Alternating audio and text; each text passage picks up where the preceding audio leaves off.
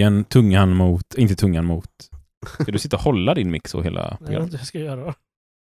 Alltså det är inte jobbigt att hålla för den står, står på magen. Liksom. Men låter det konstigt? Nej, men du kan ta på en tröja i alla fall då. Det låter nog bra. Om alla testar och säger hej, mitt namn är Isak och jag är med i Fuck You Podcast. Hej, Hej. mitt namn är Isak och jag är med i Fuck You Podcast. Hej, mitt namn är Isak och jag är med i Fuck You Podcast. Har jag berättat om klassfotot jag tog eh, när jag gick i gymnasiet? Nej, det har du inte gjort. Det var så här första dagen, men helt ny klass. Jag kände ingen på hela skolan. Liksom, för jag var ju, ja, de, vissa kände ju varandra sedan tidigare för de hade sökt tillsammans. Så jag sökte inte med någon jag kände. Liksom. Mm. Eh, så de säger den nuvarande ja, nya klassföreståndaren, bara, "Ja, nu ska vi ta skolfoto allihopa. Klassfoton och så här. Typ. Så ni ska alla få, för att veta vilka som är era klasskamrater. Så ställde han sig liksom i högra hörnet för att ta den här bilden. Utan en jävla anledning. I ett rum liksom. Ja, i ett rum ja. Ja. Och så säger han, ja, då lever vi allihopa. Och jag tänker så här, nej, jag tänker inte vara personen som kollar in i kameran, för det, det kommer ingen annan att göra. Så här, då, dålig självkänsla liksom. Sen får vi ut skolfotot. Så ser man att alla sitter och kollar höger, rätt in i kameran, förutom jag som bara kollar rakt fram. Och så tänkte alla, vem... Ja, vad fan håller han på med istället? Men med dig kände de igen sen. Ja, precis. Jag är galningen som liksom, kollar åt De höll helt, avstånd men de kände igen helt annan vinkel liksom. Och nu sitter vi, anledningen till att vi kom in på det här, nu sitter vi på ett arbetarbibliotek och har precis tagit en selfie på oss som vi antagligen har lagt upp på sociala medier för ett par dagar sedan. Mm. Eller idag eller imorgon. Eller något. sånt. Mm. Det var dagens. Det var dagens. Ja. Tack för att ni har Tack lyssnat för på idag. Fuck You Podcast. Ha det fint! What in the fuck are we doing here?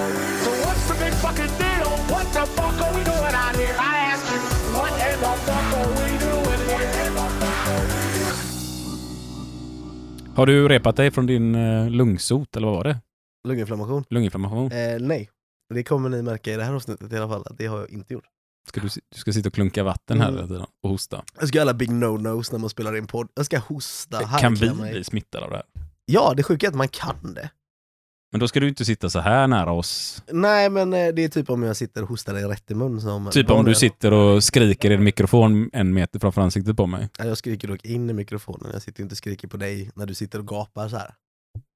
Känns som att det är så våra samtal brukar gå till. Men eh, Ja, Det är när du är full Isak, för då är du bokstavligt talat hosta mig rätt i munnen avstånd alltså. nu är vi live i podden, jag blir aldrig full. ja, eller hur? Nu blev det äckligt. Jag vet inte riktigt vad Sebastian Borssén pratar om här. Men ryktet säger att du, idag blev du gripen för eh, innehav av knark. Ja, det stämmer faktiskt. Det här vill ju vi eh, höra mer av. Det var inte heller lite knark, utan det var ett helt paket med knark. Ja, det var faktiskt 500 gram eh, kokain. Ja, det var kokain. Mm. Så, Så det var inte knark. Nej, vi griper här ute i Kina. Men du sitter ändå här nu, Ja, de släppte mig faktiskt. I brist på bevis, eller? Nej, det var ju bara en övning egentligen då för eh, polispreparanden här på skolan. Berätta lite mer. Ja, men det är så att vi här på skolan har ju en utbildning som är för polispreparande, alltså folk som är intresserade av att bli poliser. Och då kan man gå en folkhögskoleutbildning här på Viskadalen då. Och då frågade ena läraren om ja, vi hade någon frivillig som kunde tänka sig ställa sig upp och spela knarkkurir. Och allting var ju liksom uppsatt då, så jag skulle gå till en mataffär, hämta ut ett paket som var till en Perra. Som hette. Klassisk knarknamn. Ja, det är, det det är ett klassiskt knarknamn. Ja, och så skulle jag leverera det då i, eh, lite längre bort i Kina på ett annat ställe. Och de fick ju bara till sig caset att ni ska vara på det här stället, det kommer någon och hämta ett paket. Och så ska det här paketet varit utbytt då. Vilket jag nu hoppas att det självklart var nu, så jag inte gått runt med riktigt knark på mig, men det var då utbytt mot... Det vet du inte heller. Det vet jag inte, jag har inte Du kontrollerat. blev gripen och så tog jag var ju bara kurir, så jag vet inte vad som är i paketet. Det paketet nu, det har läraren på den här utbildningen. Mm. Så det kan ju vara ett smart sätt att smuggla knark på. Ingen kommer ju misstänka det. Och han är också för detta polis, vilket gör också att sannolikheten för att man skulle ta honom är ju... Liten. Precis. Mm. Eh, men eh, så handlade det om att jag då skulle gå runt och de skulle ha span på mig, de här eleverna. Och det var första gången de fick träna på en spanövning då, så det var ju ganska kul. Men Kina är ju inte så stort så att det var, det var inte så mycket man kunde gå liksom, i centrala stan för att gå in i butiker. Så. Men det var ju lite annorlunda sätt att tillbringa en arbetsdag kan jag ju säga. Jag har ju idag på arbetstid handlat strumpor till min dotter, jag har köpt blommor till min tjej, jag har eh, varit inne på Systembolaget och förkovrat mig lite vitaminer för att få de här att eh, Tappa dig. precis. Så att det var liksom ganska annorlunda dag. Jag och Jim har varit lite ganska avundsjuka på det hela dagen. Här. Ja, ni har ju stått och haft kurs här istället på Fiskaralen. Ja, jag har hållit en utbildning som Ja. Jim går. Ja. Men vi har bara tänkt på att du är ute och leker James Bond, fast tvärtom. Ja men det var ju kul också, vi har sett det där på den här, eh, eh, på ett fik skulle jag sitta då för att ja, jag ska göra något annat i väntan på att Perra ska komma hem för jag ska lämna ett paket. Och så, eh, så jag går in dit, beställer en kaffe liksom och, och sitter och fikar. Väldigt trevligt fik faktiskt får jag säga. Nej, dit ska vi gå någon gång tänker jag. Mm. Och så får jag ett samtal då ifrån läraren då som är här, men det vet ju inte eleverna om där. Han utpressar mig på pengar jag ska betala honom för att de sitter ju och lyssnar på vad jag säger och om jag har några samtal.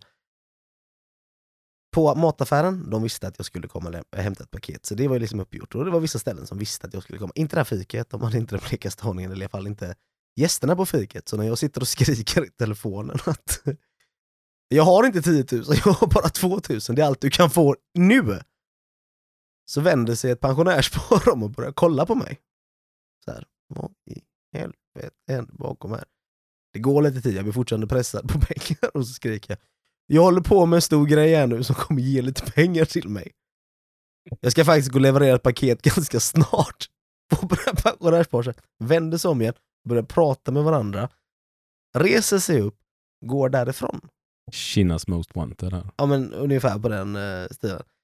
Varpå då ena läraren kommer in då som, som är före detta polis och säger att uh, riktiga knarkspan har varit där utanför. Ryktet har spridit sig redan om eh, Ja, tydligen har det varit så bra eh, knarkkurir så att det, ja. den lungsjuka arbetsmiljöhandledaren på folkhögskolan som eh, lever extra knäcker på att sälja knark i i Kina. Kina. Ja. Kina, för de som inte känner till, hur stor är Kina? Ja, Det, får, det kan du bättre än mig Isak, du bor ju typ här ute, det gör ju inte jag. Relativt liten. Ja, allt, Ja. allt är ju relativt. Som Det- man säger. Vi, vi söker på internet. Ja. Mm. Men det är under tiden du söker så, ja, sen efter fiket så gick jag trixa bort dem några gånger, jag tapp, de tappade bort mig några gånger i alla fall. Och så går jag då och levererar paketet. Varpå jag då, sen efter lämnat paketet ser att nu, nu börjar folk samla upp sig runt mig, varpå jag då börjar gömma mig bakom huset och till slut så griper de mig då. Jag kände ju inte riktigt att det, det är lönt att börja springa på riktigt liksom. För det här med tanke på min lunginflammation och astma då, så känns det inte riktigt värt som att, ja, jag kan ju börja springa liksom för att göra det här verkligt. Men då kommer jag också sitta och hosta liksom tills, tills i natt. Mm. Så det var min dag! Och då ska ni få lite fakta på Kina. här. Men alltså det häftiga idag ändå, låter väldigt spännande. Mm. Jag kände så här, vad kul att få leka tjuv och polis i vuxen ålder. Det blir man lite avundsjuk på. Vad säger du Jim? Ja, det hade ju varit himla skoj att prova på faktiskt. Ja, Ja, även om det fackliga uppdraget ibland känns som att man leker tjuv och polis på arbetsplatsen. Och, ja. Nej, om två veckor så ska jag vara med i ett krogslagsmål här. Då. ja. De ska komma och gripa mig. Nu Hur mycket kommer vara fake och hur mycket kommer vara äkta? Men jag vet inte, det beror på vad klockan är liksom. Jag kan ju alltid börja dricka tidigt på dagen. Om det är det de vill då. Chefen kommer in på ditt kontor klockan åtta på morgonen och du Ja. ja. för du är stupfull. Ja. Och... Ja, men jag ska på krogslagsmål här. Jag ska spela en alkisgubbe som, som jag slåss. Liksom. Det är Oscars på dig, Oscarsgalan. Ja. Jag går ju in för rollen, jag är en sån här me- metodskådespelare som verkligen i flera veckor innan börjar dricka på jobbet. För att komma in i för att komma in i rollen. Liksom. Ja. Ja. Jag tycker ju Sebbe har varit lite väl stolt över hur bra han var på att vara knarkkurir idag. Mm. Ja. det, det är kul, men eh, den här lyckan av att han lurade poliserna liksom. ja, och så åkte han ju ändå fast. Ja, Men till precis. oss har han liksom såhär, "Ja, hade det varit en riktig knarkare så hade jag gjort så här och så här och grejer stod han och berättade. Så det kan ju hända att uh, Sebastian öppnar den första folkhögskolan sen för knarkkurirer när han har hållit på med det tillräckligt länge. Jag startar en konkurrerande utbildning för de som vill bli knarkkurirer kontra på, mot polispreparanderna. ja. ja, det är ju en intressant. framtid för dig Sebastian. Det är ju folkbildning liksom. Så att det, Nu lyser han upp här inne. Det, Mm. Ni ska bara se han. Och Kina då, för dig som lyssnar. Nu blir det 30 minuter om Kina. Har vi någon eh, sån... Eh, Vill du ha en Jingle. jingle om Kina? kan du sjunga lite Kina, Kina, Kina?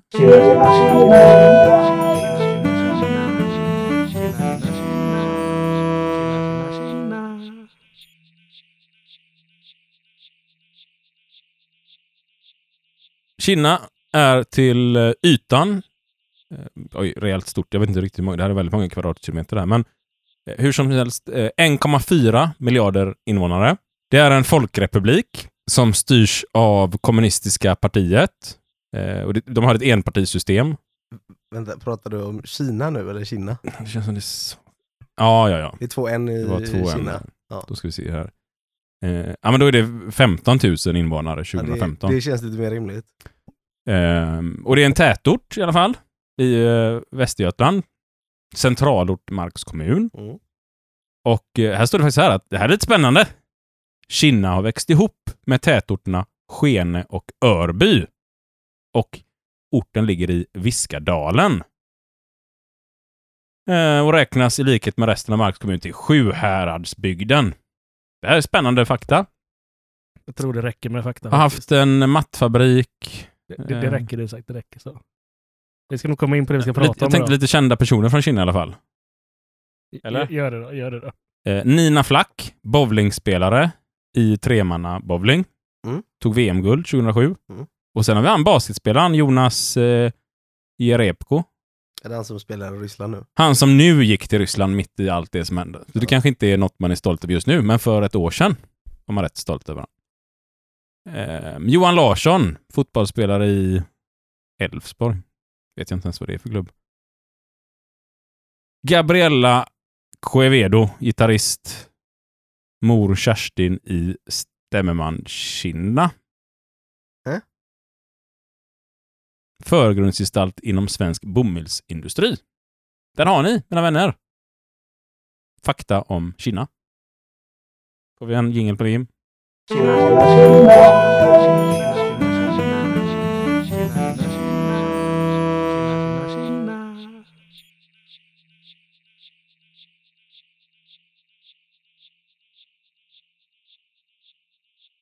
Ja, det är vad jag har gjort då den senaste tiden, eller egentligen idag då. Men jag har ju- inte gjort så mycket annat än att varit sjuk i lunginflammation resterande av tiden. Så det är inte så mycket spännande från mitt håll. Vad, vad, jag vet att ni har varit löneförhandlat.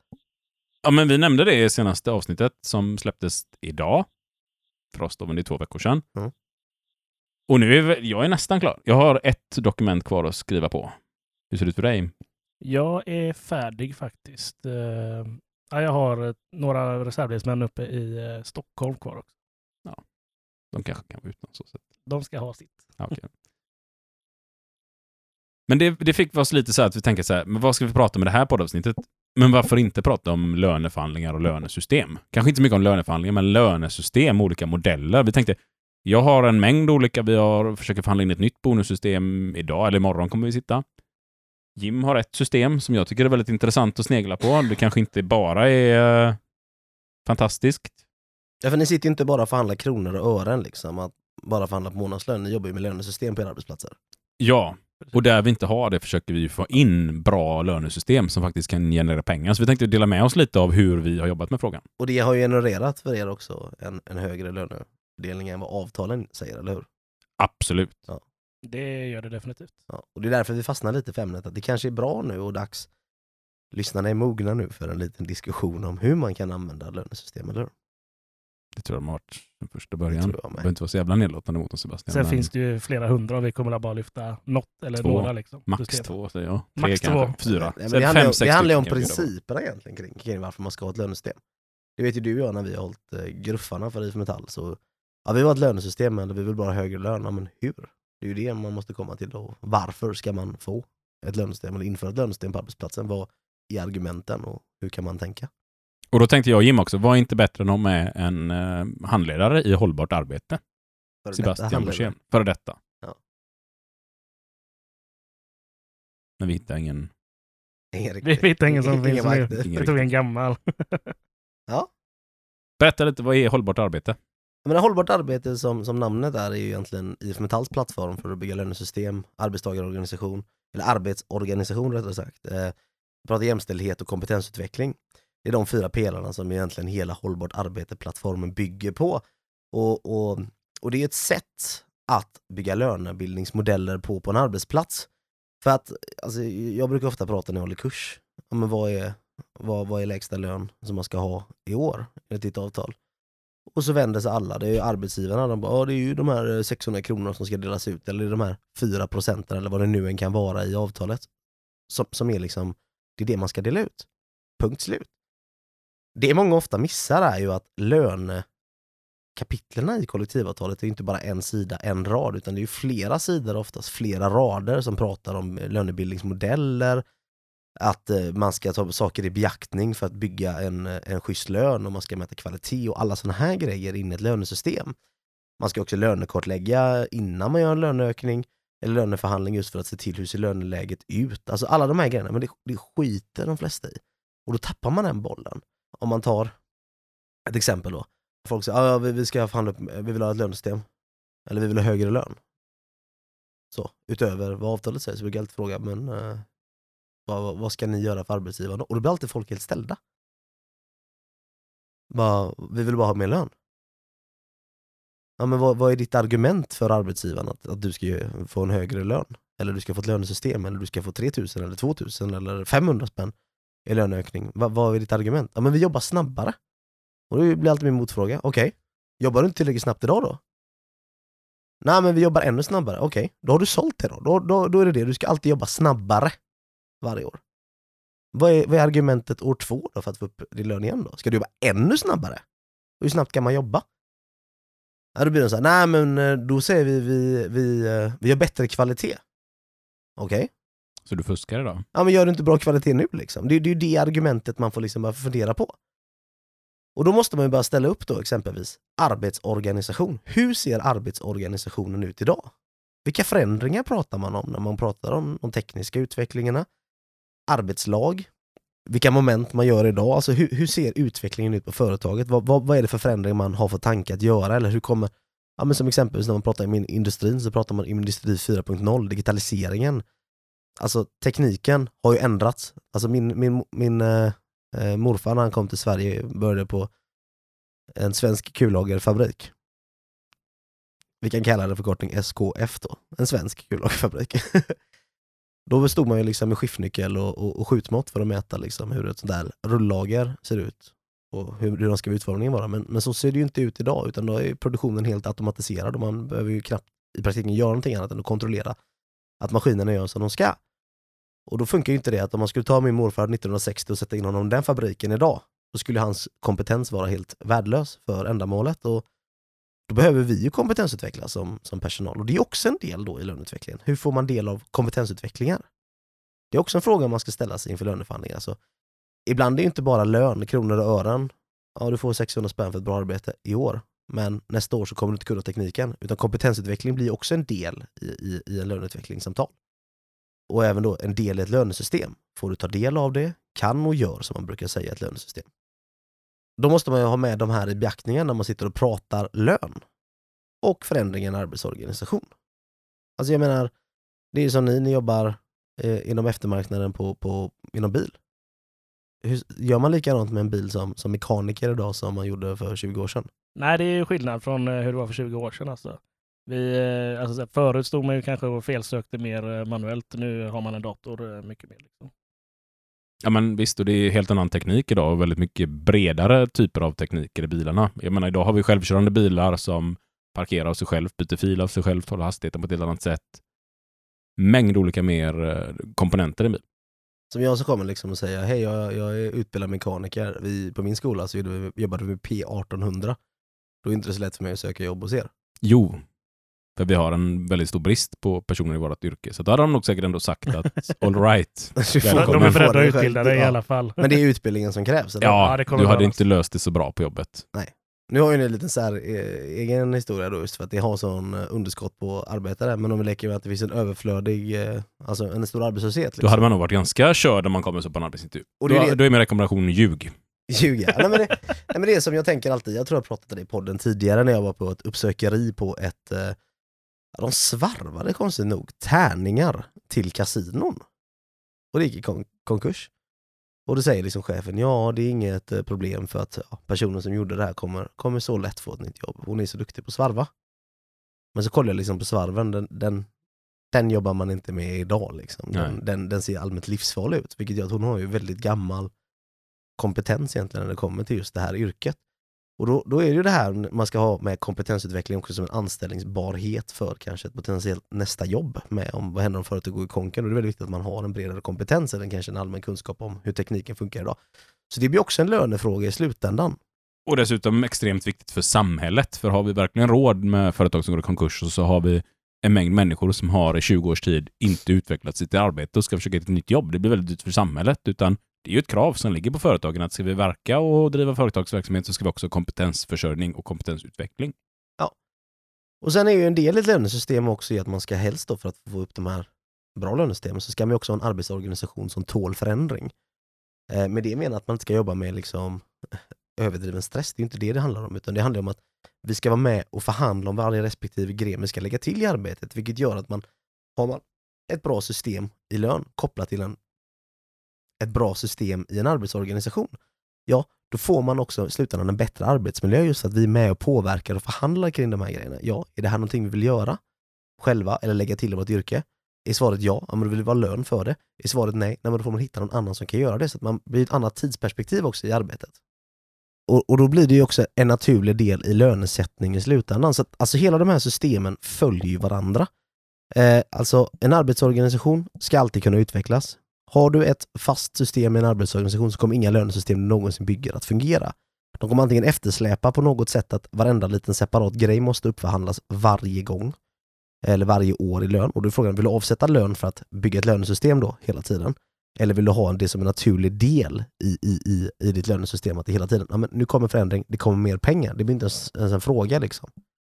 Och då måste man börja värdera vad är saker och ting värt i pengar i slutändan när man ska sätta in det här i, i, ett, i ett lönesystem. Ja, så när man har jobbat med en arbetsorganisation som man känner sig nöjd med för nuvarande läget, sen ska den ju kunna tålas att förändras. Så det är också väldigt viktigt att man kommer ihåg det, för ibland det fackliga kan man bara säga, ja, då är det här, då är det så här det ska vara och då ska vi aldrig rubba det här sen. Då kommer ett lönesystem alltid fallera och företaget vilja se upp det. Har man med kompetensutveckling, att om du byter avdelning, lär dig fler moment, eller att du får den möjligheten, ja då har du också ett stort ben i, i eh, liksom arbetsorganisationen, att man blir mer mångkunnig, man får också speciella kunskaper, vilket i sin tur då kommer leda, när man sätter sig ner sen och löneförhandlar, att man värderar upp allting. Så att man har ett fungerande lönesystem. Och det är det här klassiska kan och gör i slutändan. Ja men du kan, gör du? Att du kan, ska det vara värt någonting? Att du gör, ska det vara värt någonting annat? Vi har ju alla tre jobbat på lite olika lönesystem, ja, även utan. Vi har förhandlat på lite olika lönesystem. Skulle vi kunna börja liksom lite så här, vad, vad är det för lönesystem där du har arbetat, Sebastian? Ja, nej, men jag har ju berättat tidigare i podden att när jag började på min arbetsplats så tillämpades egentligen inte kollektivavtalets regler. För det fanns inga förtroendevalda som liksom försvarade de här sakerna som var införhandlade där. Eller det var ingen som egentligen kontrollerade att det som facket hade förhandlat in faktiskt skulle efterlevas på arbetsplatsen. Så det fanns inget eh, lönesystem egentligen eh, på arbetsplatsen överhuvudtaget förrän då vi började engagera oss. För då blev ju det en stor fråga, lön. Och självklart hade vi ju samma ingång som alla andra. Vi jobbar snabbare, men det var ju inte så jäkla lönsamt. Och då fick man hitta andra kriterier. Alltså hur kan man utveckla ett lönesystem? Ja, arbetet var ju ganska uppstyckat i väldigt simpla uppgifter. Alltså, och det är ju ganska klassisk grej. Det är, ju- det är ju kopplat till Taylorismen egentligen för Ford-fabriken. Alla ska lära sig allting, för då kan man bara byta ut personer egentligen så fort som möjligt. Så det funkar ju inte riktigt och då var det lite så här, vilka andra kriterier kan man börja hitta, titta på liksom? Ja men då var det om man gjorde vissa saker, det här kan och gör, att man gör andra moment eller att man har vissa tillägg kanske för att man har någon form av eh, position eller ansvarsområde. Men även också att vi började kolla på anställningstidstillägg, för det är också så här, jag har varit där i sju år och, då, och nu börjar ny och de tjänar nästan lika mycket som mig. Ja, alltså man börjar ju väldigt sällan på den lönen brukar jag alltid säga som, som, som de. Det var, det var mycket lägre i avtalen då, så det växer ju också upp i takt. Men lönetidstillägg, att, för att skapa egentligen att folk vill stanna kvar och en motivation att lämna inte oss utan vara kvar här. Så det var också en del vi kollade på och körde in i ett lönesystem då. Så så jobbade vi. Precis innan jag slutade så skulle vi faktiskt göra om det just för att där vill man få in arbetsorganisation, för det var ett av benen vi kanske glömde där. Hur, hur förändligt var det? Ja, det var ju inte så förändligt det här systemet. Och då blev det ju inte bra i slutändan. Varken egentligen för någon, för att ja, om du, om du inte ville ta något ansvar och du bara satt ut din tid, ja då kom det till slut en stoppnivå i anställningstidstillägget och det betyder att det fanns egentligen en maxlön infallad och det var ju aldrig syftet ifrån vårat håll. Att vi ska ha en maxlön här på företaget, den enda som hyblar åt en sån grej är ju arbetsgivaren i slutändan. Så vi skulle börja kolla på andra kriterier just i lönesystemet. Jim, vad har ni för lönesystem? Det är uppdelat i tre delar egentligen. Eh, först har vi en baslön som är grundlönen då, som alla har. När man börjar har man den, när man kommer från skolan och så, så får man den. Sen eh, Sen nästa del är kompetensdelen, den stora breda biten så att säga, som gör den eh, stora skillnaden då mellan mekanikerna och eller alla tekniker ska vi säga. Och sen har vi en mindre del som är prestationsbaserad då, som är i grupp, ska vi säga. Det är gruppackord. Och nu, nu tar jag våran som vi har här i vår region där jag arbetar. Den ser lite olika ut i hela Sverige nämligen. Eh, men eh, den här kompetensdelen är ju framförallt eh, uppdelad på vilka typer av jobb man gör. Det är lätta eller svåra eller sådär. Alltså det, är egentligen antalet jobb. Den är i huvudsak baserad utifrån att man ska vara en bred mekaniker. Och vi är medvetna om att den inte täcker alla, så här, för alla har lite olika jobb om man säger så. Vi har ju, plåtslagarna har vi inte så himla många på vårt bolag. Liksom. Vi kanske har 15-20 stycken utav 300. Så det är inte meningen att den ska täcka dem. För de blir ju specifika specialmekaniker då, så att säga, eller plåtslagare. Så, så då har man istället, vi har 0 till 90, eller 0 till 89 olika poäng, då, så 90 olika steg egentligen. Där man då, de första 50 är kanske en grundmekaniker, eh, när du kommit upp dit. Eh, och när du kommer från skolan kanske du har 20 poäng kommer du in på eller någonting. Då, det är ett poängsystem. Då. Eh, men sen när du kommer över 50, då blir kanske inte, för varje poäng då är värt en viss krona. Och när du kommer över 50, då blir inte det de här kronorna, de blir inte liksom lika mycket värde i förhållande till din lön. Så då har vi en koefficient på de här poängen. Eh, så man får 2% extra då för varje poäng man får sen. För att det ska liksom bli ett mer värde att fortsätta utvecklas. Alltså företaget vill ju att vi, att vi har duktiga mekaniker så vi kan lösa alla problem som kommer in så fort som möjligt. tjänar vi mest pengar på liksom. Och vi vill ju gärna ha betalt när vi lär oss nya grejer och ska göra nya uppgifter. Vi är väl eh, ganska nöjda med den typen av system som vi har. Och, och vad är det man bedömer? Vad är det man får poäng för? Är det snyggast jacka? Snabbast till lunchrummet? Nej, utan det är ju mer då eh, vilket, vilket typ av jobb som man gör. Alltså om, om, jag, om jag kan byta bromsar, så ja, jag kan byta belägg på liksom, eh, bromsbelägg, då, så ja, men då har jag ett poäng för det. Eh, kan jag också då felsöka luftsystemet då, eftersom lastbilar har luft då, istället för olja. Eh, då har jag ett poäng till för det. Eh, sen kan jag ABSen ha ytterligare ett poäng. Så har man olika grupper då med visst antal olika poäng i varje. Så här. Kan jag rikta ramar, ja men då har jag ett poäng och laga motorn och sådär. Det kan ju också en spännande gala-grej liksom, alla Eurovision. De sitter där och delar ut lönesystemet, alla sitter i konferensrum och så sitter chefen liksom Jim, deux points! ja, det funkat. Ja.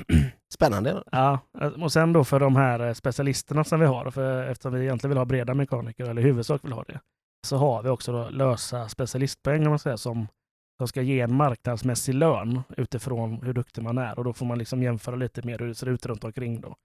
Eh, men det är ju ett par individer. Isak då?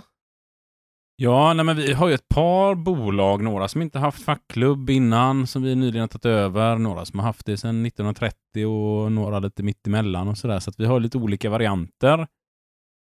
Vi har lite olika inom koncernen runt omkring i landet. Jag själv har ju då jobbat på ett rent ackordsystem där man har en grundlön som är ganska låg i förhållande till vad lönen kan vara om du ligger högt tempo. Vilket helt enkelt är baserat på hur mycket har du varit på jobbet och hur mycket timmar drog du in på den tiden. Vårat stora bekymmer är, vem är det som sätter timmarna på de här jobben? Ja, men det är på plåtens sida så är det ett program som försäkringsbolagen äger, vilket är oftast är kunden som bestämmer vilken tid det tar att reparera bilen. Eller så är det då våran eh, leverantör, alltså vårat, våran generalagent, eh, olika bilmärken som bestämmer att så här lång tid tar det att göra en service på våran bil. Förr i tiden förhandlades ju de tiderna. Idag sker det upp mot 40 000 förändringar i kvartalet. Det är lite svårt för oss att sitta och förhandla allt detta.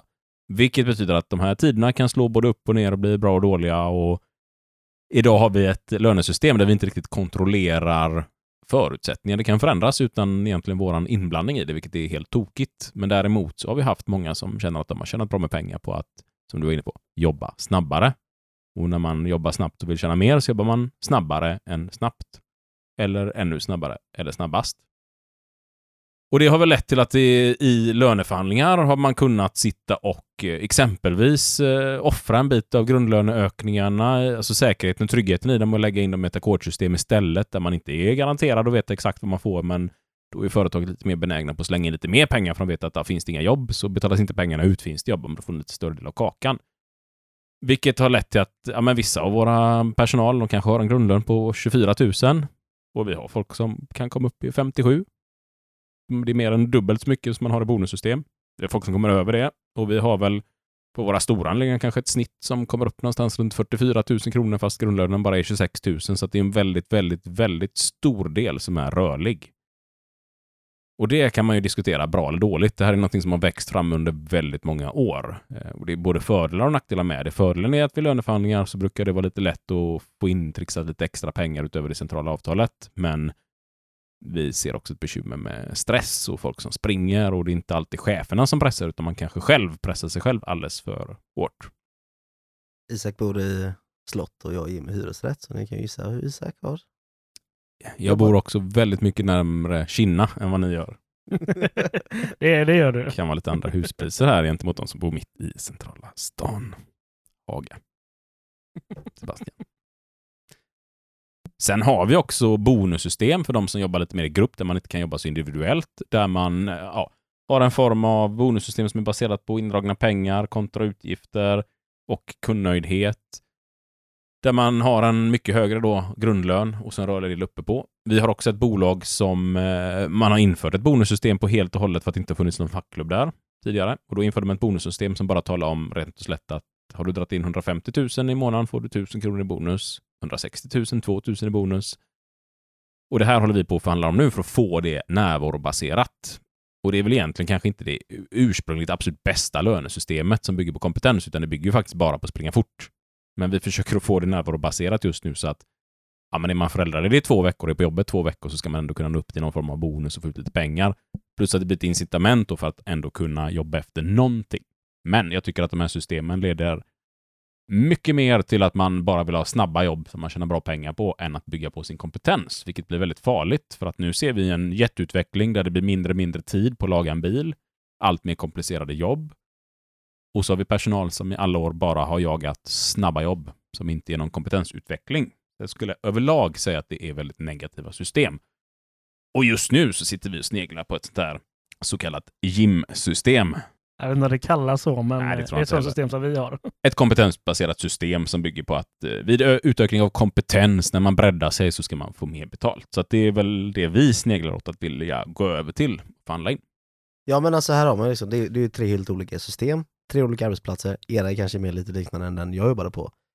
Men det finns ju som sagt inget liksom axiom, det här är den ultimata sanningen för ett lönesystem. Tillägga också, på det stället där de inte hade klubb, där hade vi helt individuella grundlöner också. Vilket ledde till att två personer med exakt lika lång erfarenhet, jobbat exakt lika länge, exakt lika duktiga på sitt jobb, det kunde skilja 8000 kronor i lön. Mm. Bara för att någon sa ifrån på ett annat sätt. Någon sa upp sig, slutade jobba, kom tillbaka, krävde högre lön. Och så, det var otroligt orättvist att inte ha ett lönesystem. Sen vet jag att det finns många fackförbund där man förhandlar individuellt på löner, men den erfarenheten jag har av löneförhandlingar är att när vi förhandlar i lönesystem där en titel har en tydlig lön och man har någon form av eh, belöningssystem för kompetens eller något annorlunda så får man loss väldigt mycket mer pengar till kollektivet. Ja, men det, är, ju- det är ju en av principerna i att ha ett lönesystem, det är ju att kunna påpeka för personalen, det här är varför du har din lön och du ska också veta på vilka grunder eller vad du kan göra för att höja den, om det är det som är fallet. Det är det som på den gamla fabriken jag jobbade, vi hade en person som vägrade flytta från sig, ville bara stå på en station och göra ett moment, medan vi hade andra personer som ville vara mångkunniga. Ja, om det är ett incitament för arbetsgivaren, för de vill ju ha mångkunnig personal, att få dem att flytta på sig, då är det ju en kostnad i form av ett lönesystem. Det är också en morot att vilja lära sig.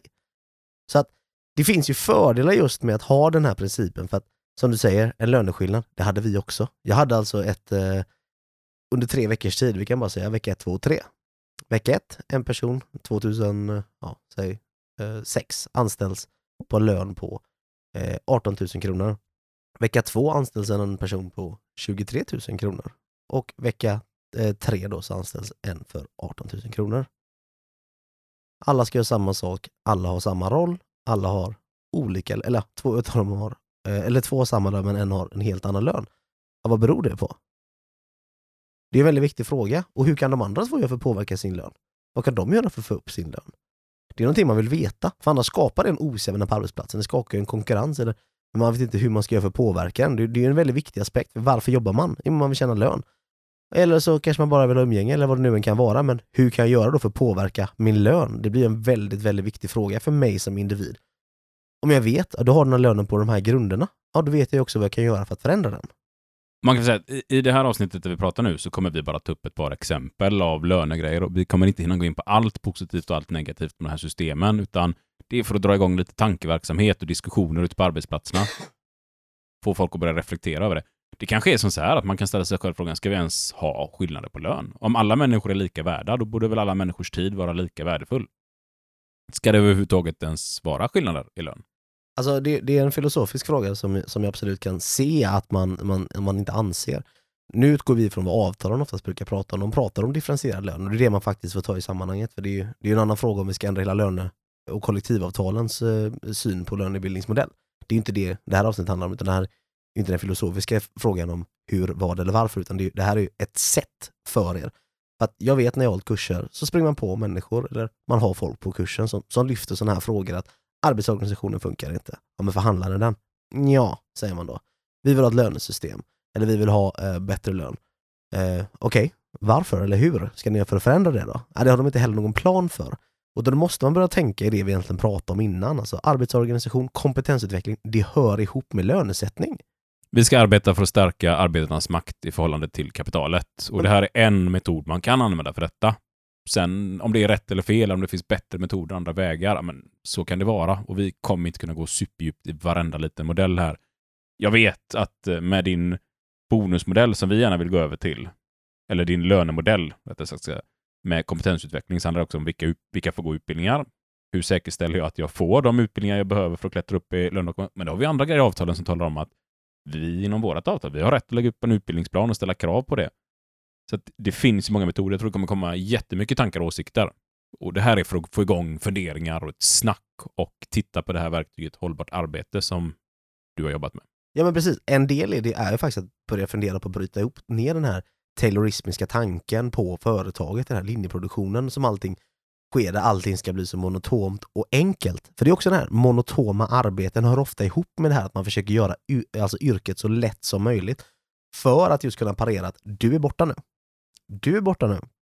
Vi kan ta vem som helst och sätta dig där. Och hur värdefull blir du då? Hur stark blir du också? Om du ska sätta dig ner med en arbetsgivare och förhandla din lön. Om jag kan ju byta ut dig mot vem fan som helst och utbilda dem på två veckor. Hur stark blir du i den lönefrågan då? Så det handlar om att bryta ihop det och skapa egentligen specialister för att få upp lönen eller bidra till att mer människor blir specialister på arbetsplatsen. Eh, och kan de här extra momenten, att man inte bara kasserar saker, man kanske ska ha någon som ska laga de sakerna om det är tillverkningsindustrin också. Eh, om man tar inom vården, men vad är det värt att jag själv söker kompetens eller att jag utbildar mig, att jag gör någonting för att, för att stärka patientsäkerheten eller eh, ja, hitta andra sätt på att lösa liksom, laguppdelningen och sånt i, i, inom yrket för att få en, en bättre värld liksom, och en bättre vård. Eh, det är också en del i detta. Att man är tolerant mot en förändrad arbetsorganisation. Och då menar jag inte att man köper tystnad, utan pratar att man är med och förhandlar den och skapar en bättre arbetsorganisation. Ja, det är också värt. Ja, men det var ju som eh, de som är här i podden för några avsnitt sedan. De som hade krav till VGR, alltså Västra Götalandsregionen. Josefin och Simon och Disa. Ja, de var ju studenter. Det är ju inte så lätt för dem att gå in och säga vi tänker inte komma hit förrän ni börjar göra schyssta arbetslag.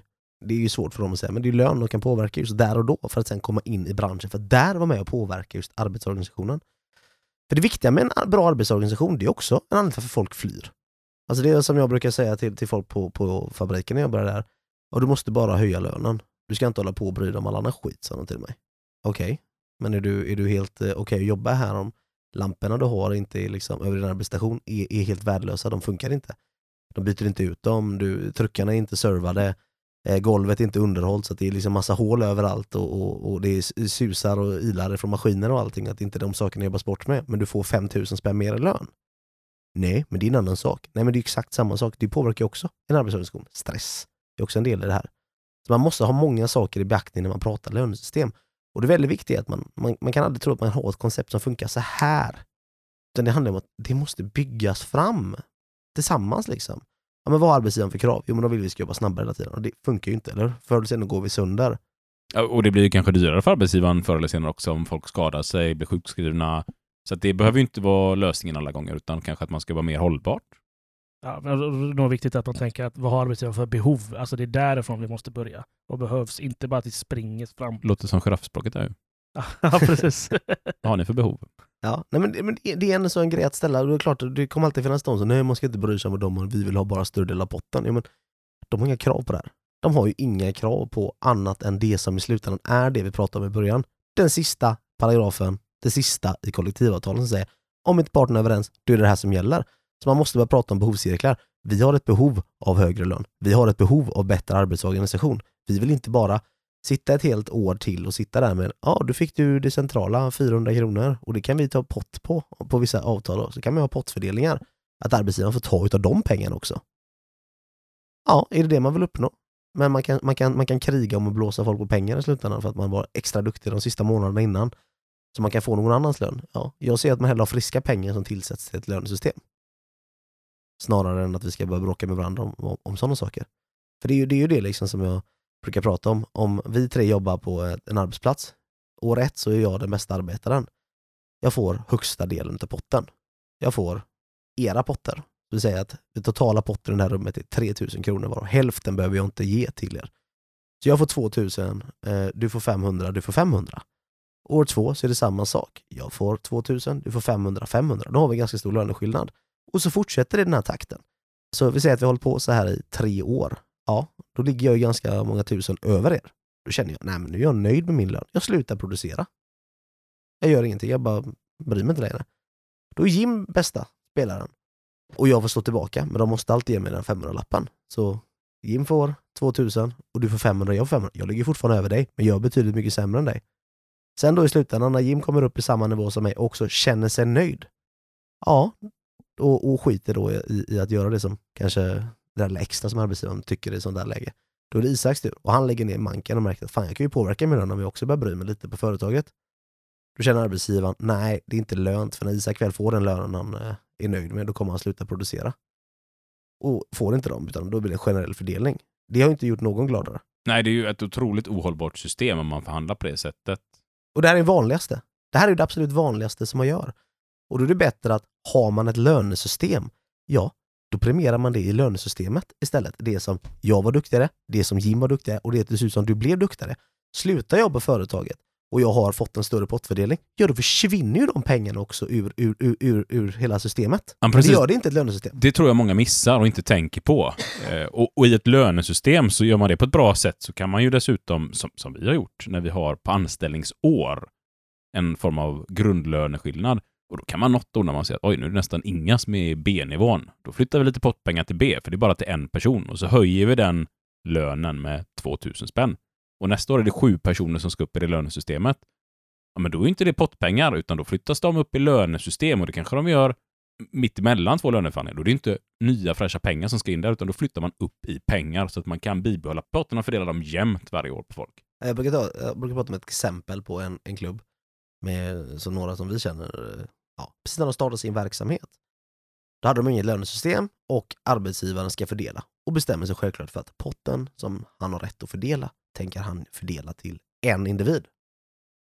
Det kan man göra. Det är ju inget olagligt i det. Det står i avtalet att man, i det fallet, i det avtalet kan vi säga, man får ta en del av potten. Problemet var att han tänkte ge det till en person som skulle sluta om ett år.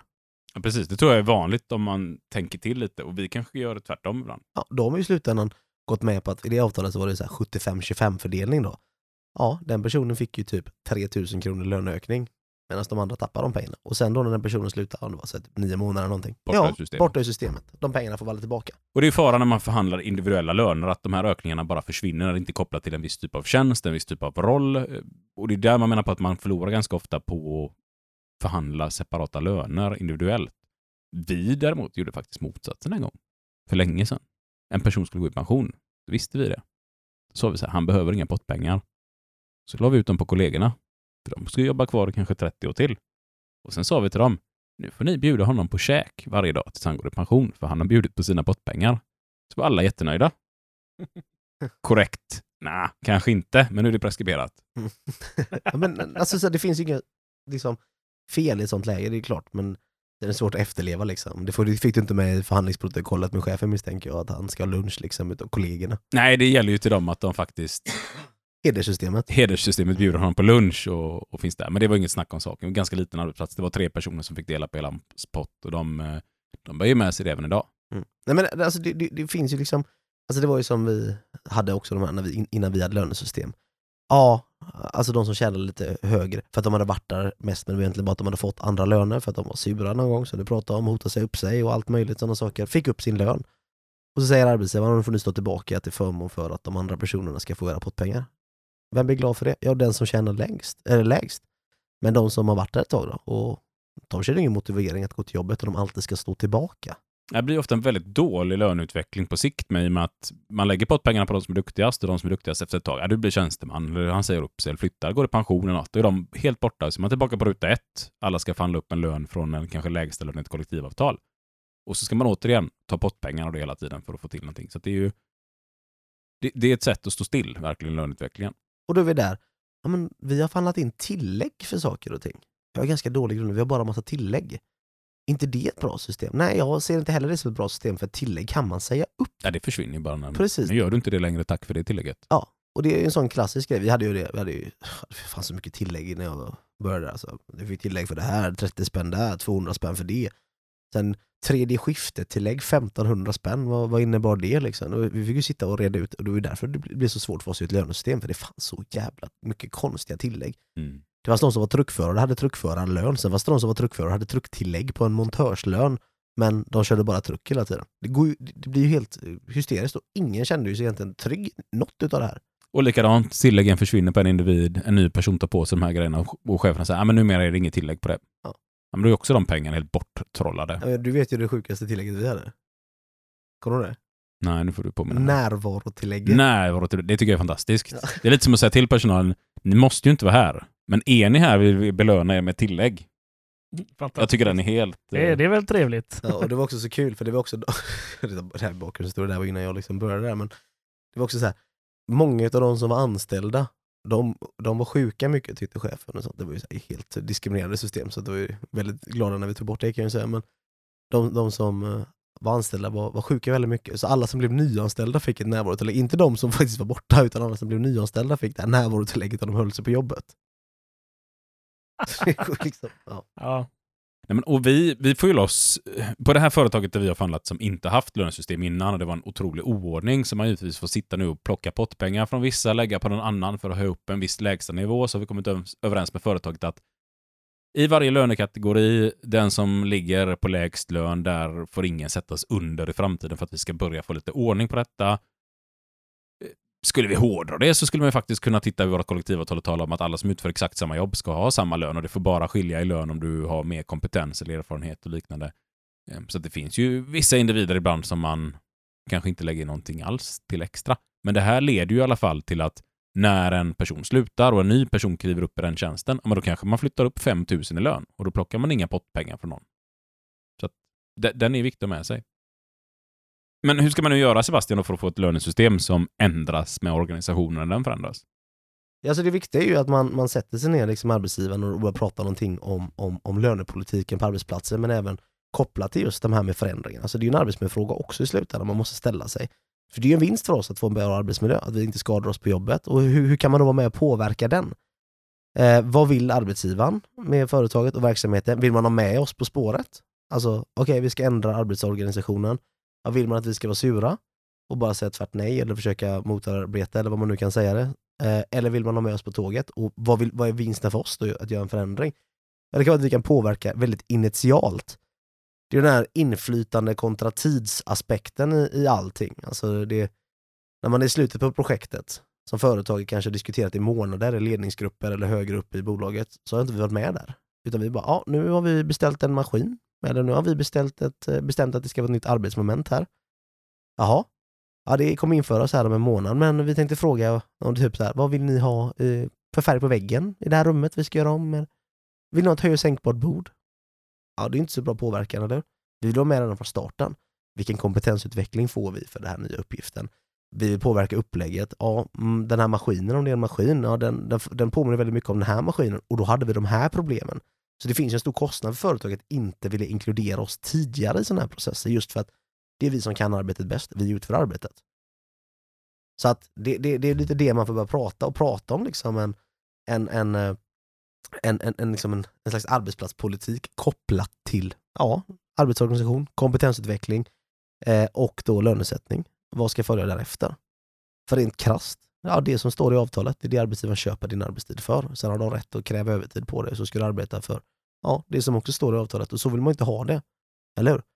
Vi vill ju att om vi lär oss något nytt, att det ska vara värt för oss att vilja kompetensutvecklas. Och det är samma sak för arbetsgivaren. Vill de ha personal som de typ hatar för att de tycker att inte vi gör någonting? Eller vill de ha personal som faktiskt vill engagera sig, vill förändra, vill lära sig? Ja, då ska det också vara värt för oss att vilja göra de här sakerna och inte bara för att det är kul. Eller jag har inget bättre för mig idag på jobbet, för det tror jag att ingen upplever att de bara går och drar fötterna efter sig. Och om man nu känner att man har stressig arbetsplats, ja, då behöver man också börja fundera på arbetsorganisationen funkar inte heller. Och sen kan det finnas att folk, jag vill bara stå på det här monotoma arbetsmomentet. Ja, men kan man bryta ut andra monotoma arbetsuppgifter, exempelvis sätta det till en monotom tjänst som man kanske kan ha regering på? Man måste börja våga eh, kritisera rådande normen på arbetsplatsen ska vara utformad. Det, det är en väldigt viktig fråga. Man måste ställa sig själv i klubben. Alltså, driver vi de frågorna?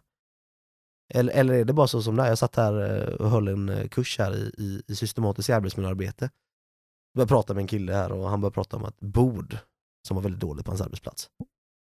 De var två stycken som jobbade på varsina Eh, stationen egentligen, men de hörde ihop de här arbetsplatserna. Så hade de ett bord och det var höj och sänkbart. Och han var två meter lång och den andra killen var 1,70. Och det är klart att de ville ha bordet på olika höjder. Och det blev ett problem. Och då sa jag, men har ni funderat på att splitta det här? Behöver man jobba ihop? Kan den ena bara stå och jobba någon annanstans och bara batchproducera, att man jobbar liksom och massproducerar en sak? Och så kan du bara ta dem en och en. Nej det går inte, för det är inte så arbetsplatsen är utformad. Nej men du måste tänka att du måste våga bryta det. Så som det ser ut idag behöver det inte se ut. Och, det, det sitter i folk att nej men så här har vi alltid gjort. Så här har arbetsplatsen alltid sett ut. Och då måste den se ut så. Ja, det kommer ju aldrig bli bra då. Då, då, då, då fastnar man i de här modellerna. Och, och, och vi måste våga bryta de här trenderna. Hur, hur kan man ställa krav för att ens få till ett lönesystem då? Ja, alltså det här kan ju sluta bli en arbetsmiljöfråga. Det är ju det, men också kolla i kriterierna. Vad säger avtalet om lönebildning på arbetsplatsen? Det säger inte att om parterna inte är överens så ska man betala ut procent eller kronor och ören. Det är ju inte vad avtalet säger. Det finns en stor bit med, eh, alltså text, med text, flera sidor oftast. Och står det inte i avtalet så finns det garanterat något eh, avtal mellan parterna just för hur de ser på lönebildningsmodellen. Så att det här är ingenting man bara ska låta gå puts väck och bara acceptera att det är som det är. Men sen ska man ju inte förvänta sig heller att ett lönesystem kommer komma så här. Utan det, det kommer vara förändringsbart och det kommer ta tid att bygga upp ett bra fungerande system. Och också våga tänka att ja, vi testade att ändra just arbetsorganisationen, eller vi testade att ändra det här. Det blev inte bra. Nej, då får vi testa någonting nytt. Precis som man tänker med arbetsmiljö. Det är ju samma sak där. Man gör en riskbedömning, man gör en ändring. Den betyder inte att nu har vi beslutat om den här ändringen, så det är den som gäller. Nej, den ska också anpassas eller ändras. Det är samma sak här. Jag som sneglar så mycket på ditt lönesystem, Jim, eh, och tycker att det är någonting vi vill börja gå över till. Finns det brister med det också, med kompetens och att det ändras om i organisationen? Jo, men det är klart att det gör det och du, du lyfte lite grann om det förut, liksom att företaget är den som bestämmer vem som ska ha kompetens, alltså skicka folk på utbildningar och så här. Så det handlar om att vara aktivt med då hela tiden på att eh, nej, men alla ska ha en utvecklingsplan för hur de ska utvecklas eh, och den ska följas.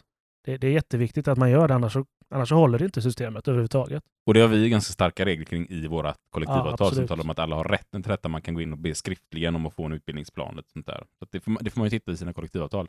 Ja, men så här, har man också kollektivavtal eh, och jobbar på LO-sidan i alla fall så har man utvecklingsavtalet någonstans i grunden också som man kan använda sig av. Och ni har reviderat lite vad som innehåller det där kompetenssystemet också. För jag vet att för några år sedan så nämnde du att eh, någon kunde inte flyttas upp för den kunde inte trumbromsar.